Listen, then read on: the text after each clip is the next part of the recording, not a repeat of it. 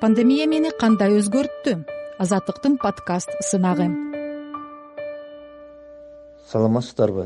Аты жөнүм султаналиев сайпидин жашым кырк сегизде. Ала мүдүн районуна караштуу таш төбө айылында турам. Пандемия мени адамзаты кандай оор абалда жашаса дагы кайрымдуу болууга үйрөттү. Эмесе сөз башынан болсун. Өлкөгө карантиндин киргизилиши үй бүлөбүздү коомдон да жумуштан да обочолонтуп койду. Ошондон тарта мен шыпка чийт түкүрүп жатмайды адатка айланттым. Кайненем каптап берген төшөнчүнү аялымдын себине келген диванга кабаттап салдырып көзүмдүн майы кылгырып куюлуп калгычакты керээлди кечке телефон тиктейм чарчаганда ордумдан козголуп туруп ары бери басам кайра жатам буулугам. Жалдырап жүрүп араң жеткен аялыма аңкылдап бир тийип бугумду бир чыгарып алсам дейм.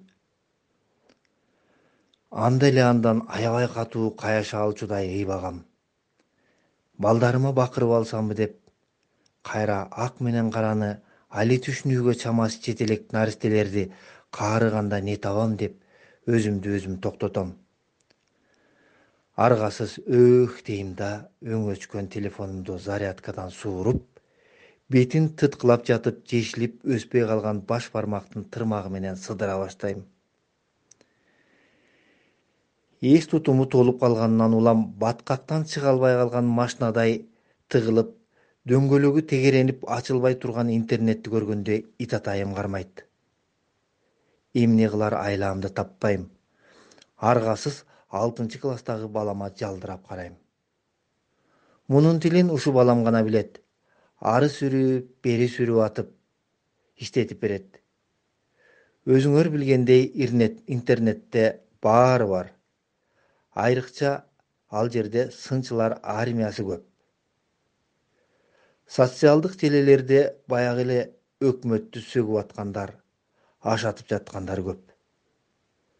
Мен аларга окшобойн деп ичимен канчалык күйрөнүп сөз бергеним менен болбой эле өкмөттү сөккөндөрдү колдоого алып бармакты чычайтып колдоо лайкын баса калып өч алган сындуу өөх деп эс алып калам.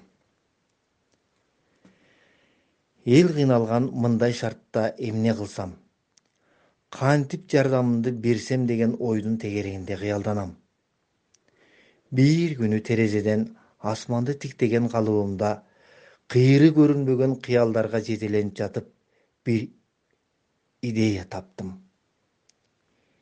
Идеяны таптым да дароо эле күндө жумушка барчу жолдун жээгинде дайыма бош турчу вагонду карай жөнөдүм.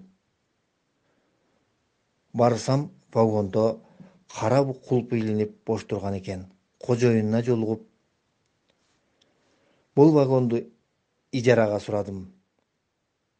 Кожоюну таң калыштуу карап бирок мен айткан баага дароо эле макул болуп вагонун өткөрүп берди. Шашып ушуп үйгө келип эки мушогундун бирин ашканадагы ашыкча азык түлүктү жана балдарымдын ойнобой калган оюнчуктарын кийбейм деген кийим кечектерин машинага салдым да азыр эле өзүм ижарага алган вагонго бардым. Сыртына муктаж болсоңуз бекер алыңыз. Ашыкча болсо муктаждарга жардам бериңиз. Бири бирибизге кайрымдуулук кылалы деп жазып койдум да дүкөндү иштете баштадым. Дүкөн деген ат эле болбосо ал жерде баардыгы бекер таратылууда. Кудайдын кулагы сүйүнсүн деш керек.